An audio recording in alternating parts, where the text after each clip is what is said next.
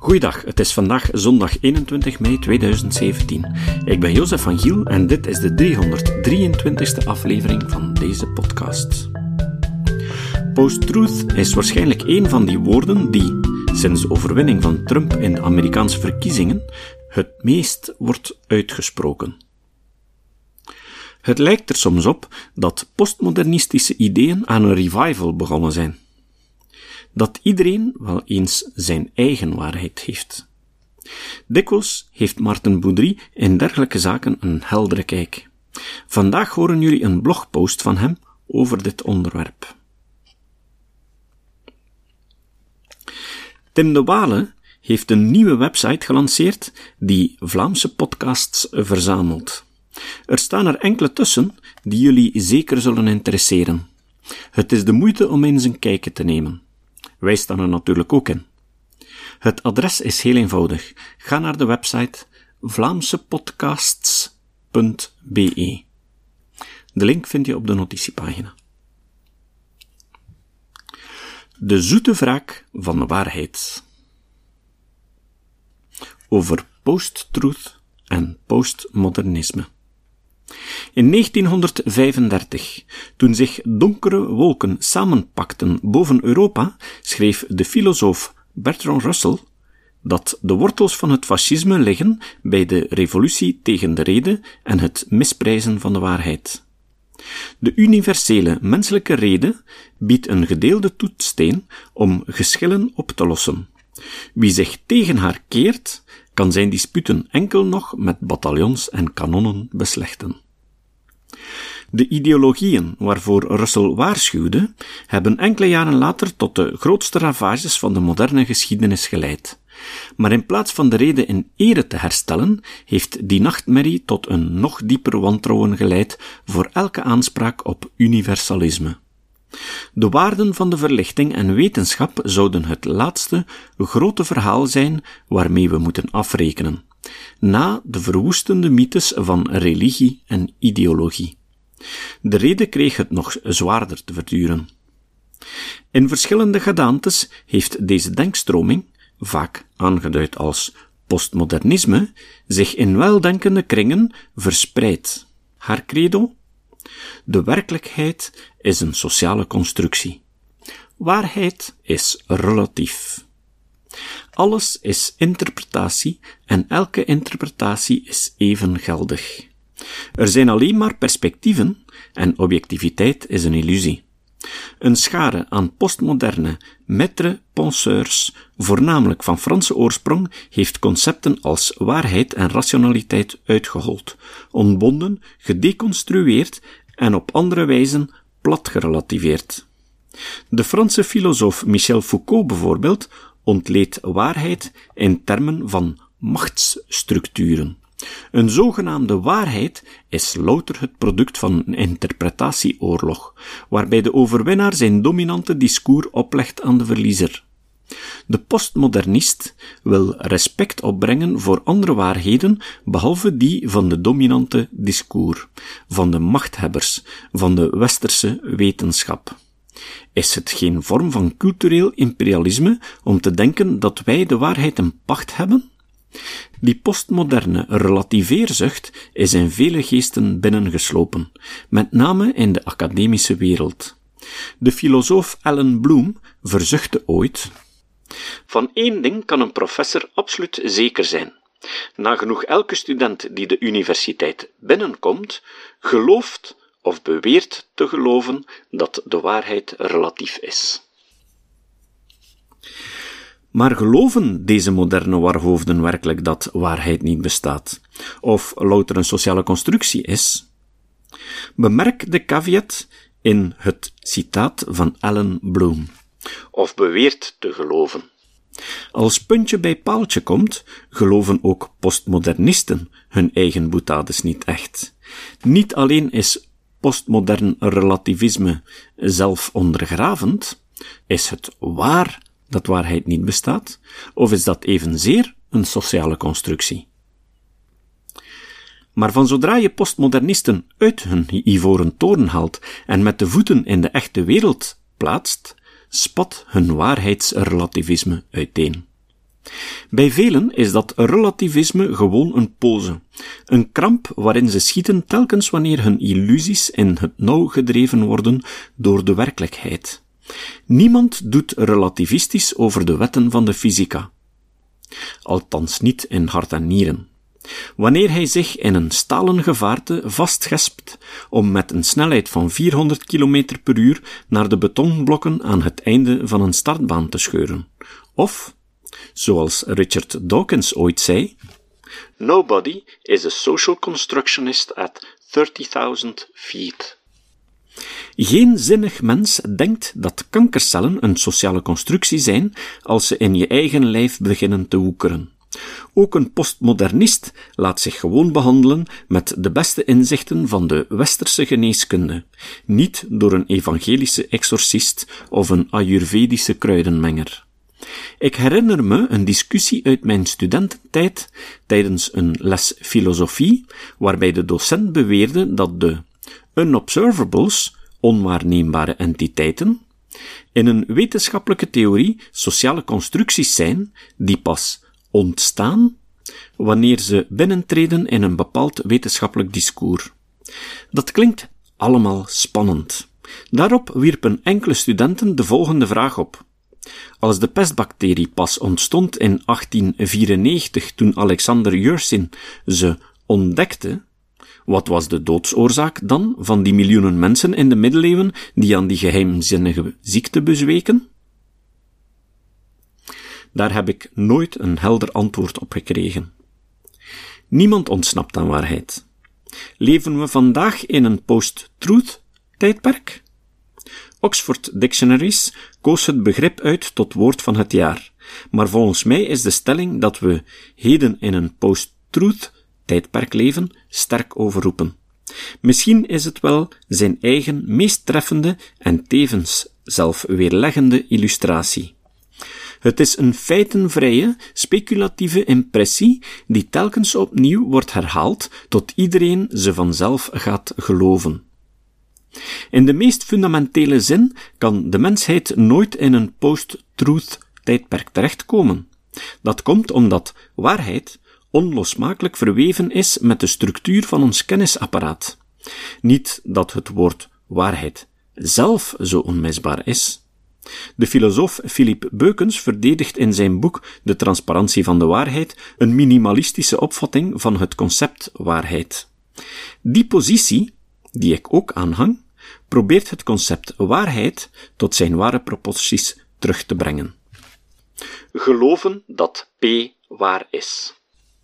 Wil niet meer en niet minder zeggen als geloven dat P. De geneste constructie het is waar dat, is strikt gezien redundant. Dat we bepaalde dingen geloven en dus voor waar aannemen, wat op hetzelfde neerkomt, is een fundamentele eigenschap van ons kenapparaat, ons brein. Wanneer we worden blootgesteld aan bepaalde zintuigelijke prikkels, dan doen we onwillekeurig bepaalde overtuigingen op. Als ik door het raam kijk en vallende regendruppels zie, dan doe ik automatisch de overtuiging op: het regent. Of equivalent: het is waar dat het regent. Dat doen we spontaan, zelfs als we er niet bij stilstaan, en zelfs als ze het woord waar of waarheid niet uitspreken. Dat principe van de geloofswillekeur heb ik uitgebreider besproken in mijn boek Illusies voor gevorderden. Elk van ons heeft een wereldbeeld, een min of meer coherent netwerk van overtuigingen die we als waar aannemen omdat we er geloof aan hechten. We streven allemaal waarheid na, en het is conceptueel onmogelijk om iets te geloven louter en alleen omdat je graag zou willen dat het waar is. Post-illusie tijdperk. Allemaal goed en wel. Maar zijn er vandaag niet miljoenen mensen die de waarheid op allerlei manieren in de wind slaan? Denk aan dwaallichten die volhouden dat 9-11 een inside job was van Bush en companen. Dat klimaatopwarming een fabeltje is van groene jongens. Dat het geboortecertificaat van Obama vervalst is. Of dat Trump al zijn verkiezingsbeloften zal kunnen waarmaken. Hoe kan je zo'n onzin blijven volhouden in het licht van de manifeste waarheid? Maar ook dwaallichten kunnen niet aan het concept waarheid ontsnappen. Ze zijn er net zo hard aan verknocht als u en ik. Het probleem is niet dat zij onverschillig zijn tegenover waarheid, of dat dat begrip voor hen is voorbijgestreefd, maar dat ze een compleet andere opvatting hebben van wat die waarheid behelst en dat ze de klassieke bronnen van kennis wantrouwen. Wetenschap, traditionele journalistiek en politieke expertise. 9-11 complotdenkers noemen zichzelf niet toevallig The Truth Movement, met hoofdletter T. In hun eigen parallel universum streven zij de waarheid en niets dan de waarheid na. Alleen slaan ze de bal compleet mis. De vraag blijft dan of pseudowetenschap, complotdenken en andere onwaarheden aan een opmars bezig zijn. Dat is één manier om het post-truth tijdperk te begrijpen. Delft de waarheid steeds meer het onderspit in onze moderne tijd? In de epiloog van Illusies voor gevorderden heb ik gepoogd die vraag te beantwoorden. De opvatting dat er steeds meer irrationaliteit heerst in de wereld lijkt me op zijn beurt een illusie. Mensen hebben altijd in allerlei vormen van onzin geloofd, alleen valt het nu meer op, doordat ze meer lawaai maken en doordat we peilingen uitvoeren naar hun opvattingen. Illusies van allerlei slag raken wel degelijk in de verdrukking. Foute overtuigingen zijn als virussen die onze breinen besmetten. Tot voor kort konden ze lustig azen op onze onwetendheid. Er was toch nauwelijks betrouwbare informatie die beschikbaar was. Maar sinds de opkomst van wetenschap en moderne technologie komen deze illusies steeds meer in de verdrukking. De teloorgang van onze collectieve illusies, zo voorspelde Sigmund Freud al in zijn essay De toekomst van een illusie uit 1927, is niet te stoppen. Hoe meer mensen toegang krijgen tot de schatten van onze kennis, des te meer zal zich de afvalligheid van het geloof verbreiden. Eerst alleen van de verouderde en onaangename vormen, maar vervolgens ook van de fundamentele waarden. Sommige illusies verliezen hun kracht, andere zijn met uitsterven bedreigd en horen straks thuis in een museum van historische curiosa. In tijden van massacommunicatie en internet krijgen onze illusies het nog harder te verduren. Onophoudelijk worden ze blootgesteld aan een spervuur van destabiliserende informatie die steeds meer hun voortbestaan bedreigt. De voornaamste reden waarom het voortbestaan van de Scientology-kerk vandaag wordt bedreigd, is het internet. De tijd dat je leden kon afschermen van de buitenwereld en hen ongestoord indoctrineren is definitief voorbij. Informatie over de onfrisse praktijken van de Scientology-kerk is slechts enkele muisklikken verwijderd. Doofpotten zijn niet langer waterdicht. Filosoof Daniel Dennett en de MIT media scientist Deb Roy noemen dat The New Transparency in een stuk voor Scientific American. De wereld is een gigantische glazen labyrint geworden, waarbij we verder kunnen zien dan ooit en waarbij iedereen zichtbaar is. Eén enkele klokkenluider met een laptop kan één enkele organisatie aan het wankelen brengen. Een dictator die zijn volk vroeger een bepaalde waarheid wilde opleggen, moest gewoon zorgen dat hij alle mediakanalen in zijn zak had, dat hij volledige controle had over het onderwijs en dat hij elke dissidente stem meteen genadeloos de kop in kon drukken. Aanvankelijk maakte de opkomst van moderne technologie, transport, communicatie en sociale organisatie het werk van een dictator zelfs makkelijker.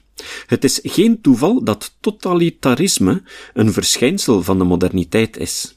In een pre-wetenschappelijke tijdperk had een monarch simpelweg niet de middelen om de totale controle uit te oefenen over al zijn onderdanen. Maar in het tijdperk van Google en sociale media is zo'n totalitaire controle over elk aspect van ons leven opnieuw quasi onmogelijk geworden, zelfs met draconische maatregelen. Enkel het totalitaire regime in Noord-Korea slaagt er vandaag in om haar bevolking compleet af te schermen van de buitenwereld en elk kritisch perspectief te misgunnen.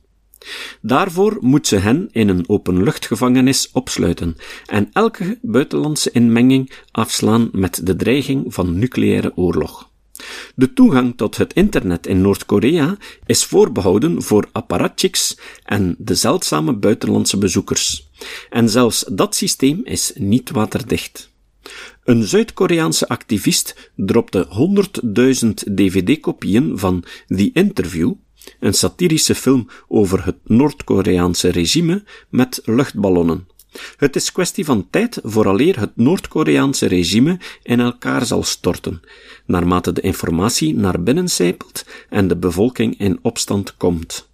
De verkiezing van Trump als volgende Amerikaanse president, ondanks al zijn leugens en vuilbekkerij, is inderdaad een bijzonder verontrustende gebeurtenis waarover het laatste woord nog niet gezegd is.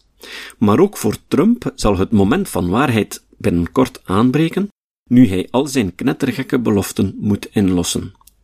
Zal hij de muur met Mexico bouwen? Zal hij de steenkoolmijnen in de rustbelt weer openen? Zal hij erin slagen om moslims de toegang tot het land te ontzeggen? Zal de werkloosheid spectaculair dalen onder zijn bewind? Het feit dat hij nu al terugkrabbelt op al die domeinen spreekt boekdelen. De wedervraak van de waarheid belooft zoet te zijn. Gevaar van het postmodernisme. Postmodernisten zijn er niet in geslaagd om het concept waarheid te ondergraven. Maar toch is de beweging gevaarlijk. Wie waarheid afdoet als een sociale constructie, zo schrijft Tineke Beekman in haar boek Macht en Onmacht, ontwapent zichzelf en wordt verlamd door onmacht en vertwijfeling. Beekman stelt terecht dat het postmodernisme verantwoordelijkheid draagt voor het verlies van onze intellectuele weerbaarheid tegen elk denksysteem dat aanspraak maakt op waarheid of op normatieve geldigheid. De postmodernist denkt dat hij de overtreffende trap zet na het modernisme door waarheid en rationaliteit als laatste grote verhaal te ontmaskeren. Maar in feite maakt hij daarmee alle voorgaande stappen ongedaan. Postmodern relativisme is een vorm van intellectuele zelfontwapening. Een postmodernist die geconfronteerd wordt met een demagoog als Trump beschikt over geen enkel intellectueel arsenaal om hem te bestrijden. In confrontatie met meer assertieve denkwijzen of met gewetenloze leugenaars moet het postmodernisme zichzelf uiteindelijk wegcijferen als perspectief onder de perspectieven conform zijn eigen absurde gedachtenkronkels. Het denken zelf is al dus weerloos gemaakt. Aldus Beekman. Beschikte Saddam Hussein over massavernietigingswapens toen Irak werd binnengevallen door de coalitie van Bush en Blair in 2003?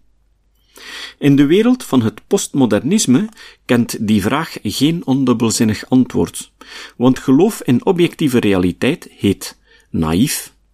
En waarheid is hoe dan ook niets meer dan een sociale constructie die stevast tussen aanhalingstekens moet geklemd worden. Werd president Obama geboren in Hawaii of in Kenia? Kloppen de cijfers van Trump over de stijgende criminaliteit in de VS? Hoeveel moslims sympathiseren met ISIS en andere jihadi-groeperingen? Een postmodernist staat bij al die vragen met zijn mond vol tanden. Boeiende lectuur in dat verband is het vertwijfelde essay Why Has Critic Run Out of Steam? van de Franse socioloog en filosoof Bruno Latour, een spijtoptand van het postmodernisme. Latour is bezorgd dat dezelfde argumenten waarmee het postmodernisme het geloof in wetenschappelijke objectiviteit heeft ondergraven, nu worden aangewend door gevaarlijke extremisten zoals klimaatontkenners en creationisten. Het is alsof onze wapens door de vijand werden buitgemaakt en heimelijk naar hun kamp gesmokkeld, aldus Latour, om tegen ons ingezet te worden. Maar het zijn niettemin wel onze wapens die wij hebben vervaardigd. Was ik verkeerd om deel te nemen in dit veld, gekend als wetenschapsstudies? Is het voldoende om te zeggen dat we eigenlijk niet echt meenden wat we zeiden? Waarom brandt mijn tong als ik moet zeggen dat global warming een feit is, of je het nu graag hebt of niet. Latour verdient respect voor zijn eerlijk gewetensonderzoek, hoewel zijn essay nog steeds voldoende krampachtige rationalisaties bevat en vruchteloze zoektochten naar een derde weg, die het postmodernisme in zich opneemt, maar overstijgt. De bedroevende gevolgen van het postmodernisme zijn des te wranger omdat de beweging aanvankelijk een emanciperende en progressieve ambitie had. Door te onthullen hoe waarheid slechts een sociale constructie is, een narratief van de heersende elite, beloofde het postmodernisme ons te bevrijden. Onderdrukte minderheden zouden hun eigen waarheid kunnen opeisen als tegengewicht voor het heersende discours van de machthebbers. In werkelijkheid is het net andersom. Het postmodernisme is een geweldig cadeau voor demagogen, populisten, autocraten en leugenaars allerhande. Als de waarheid toch niet bestaat, kunnen we eender wat verzinnen. Postmodernisme bevrijdt niet van de macht, maar maakt ons net weerloos ertegen. Eens je je respect voor de waarheid hebt verloren, zoals Bertrand Russell schrijft, kan je geschillen enkel nog met dwang en geweld beslechten.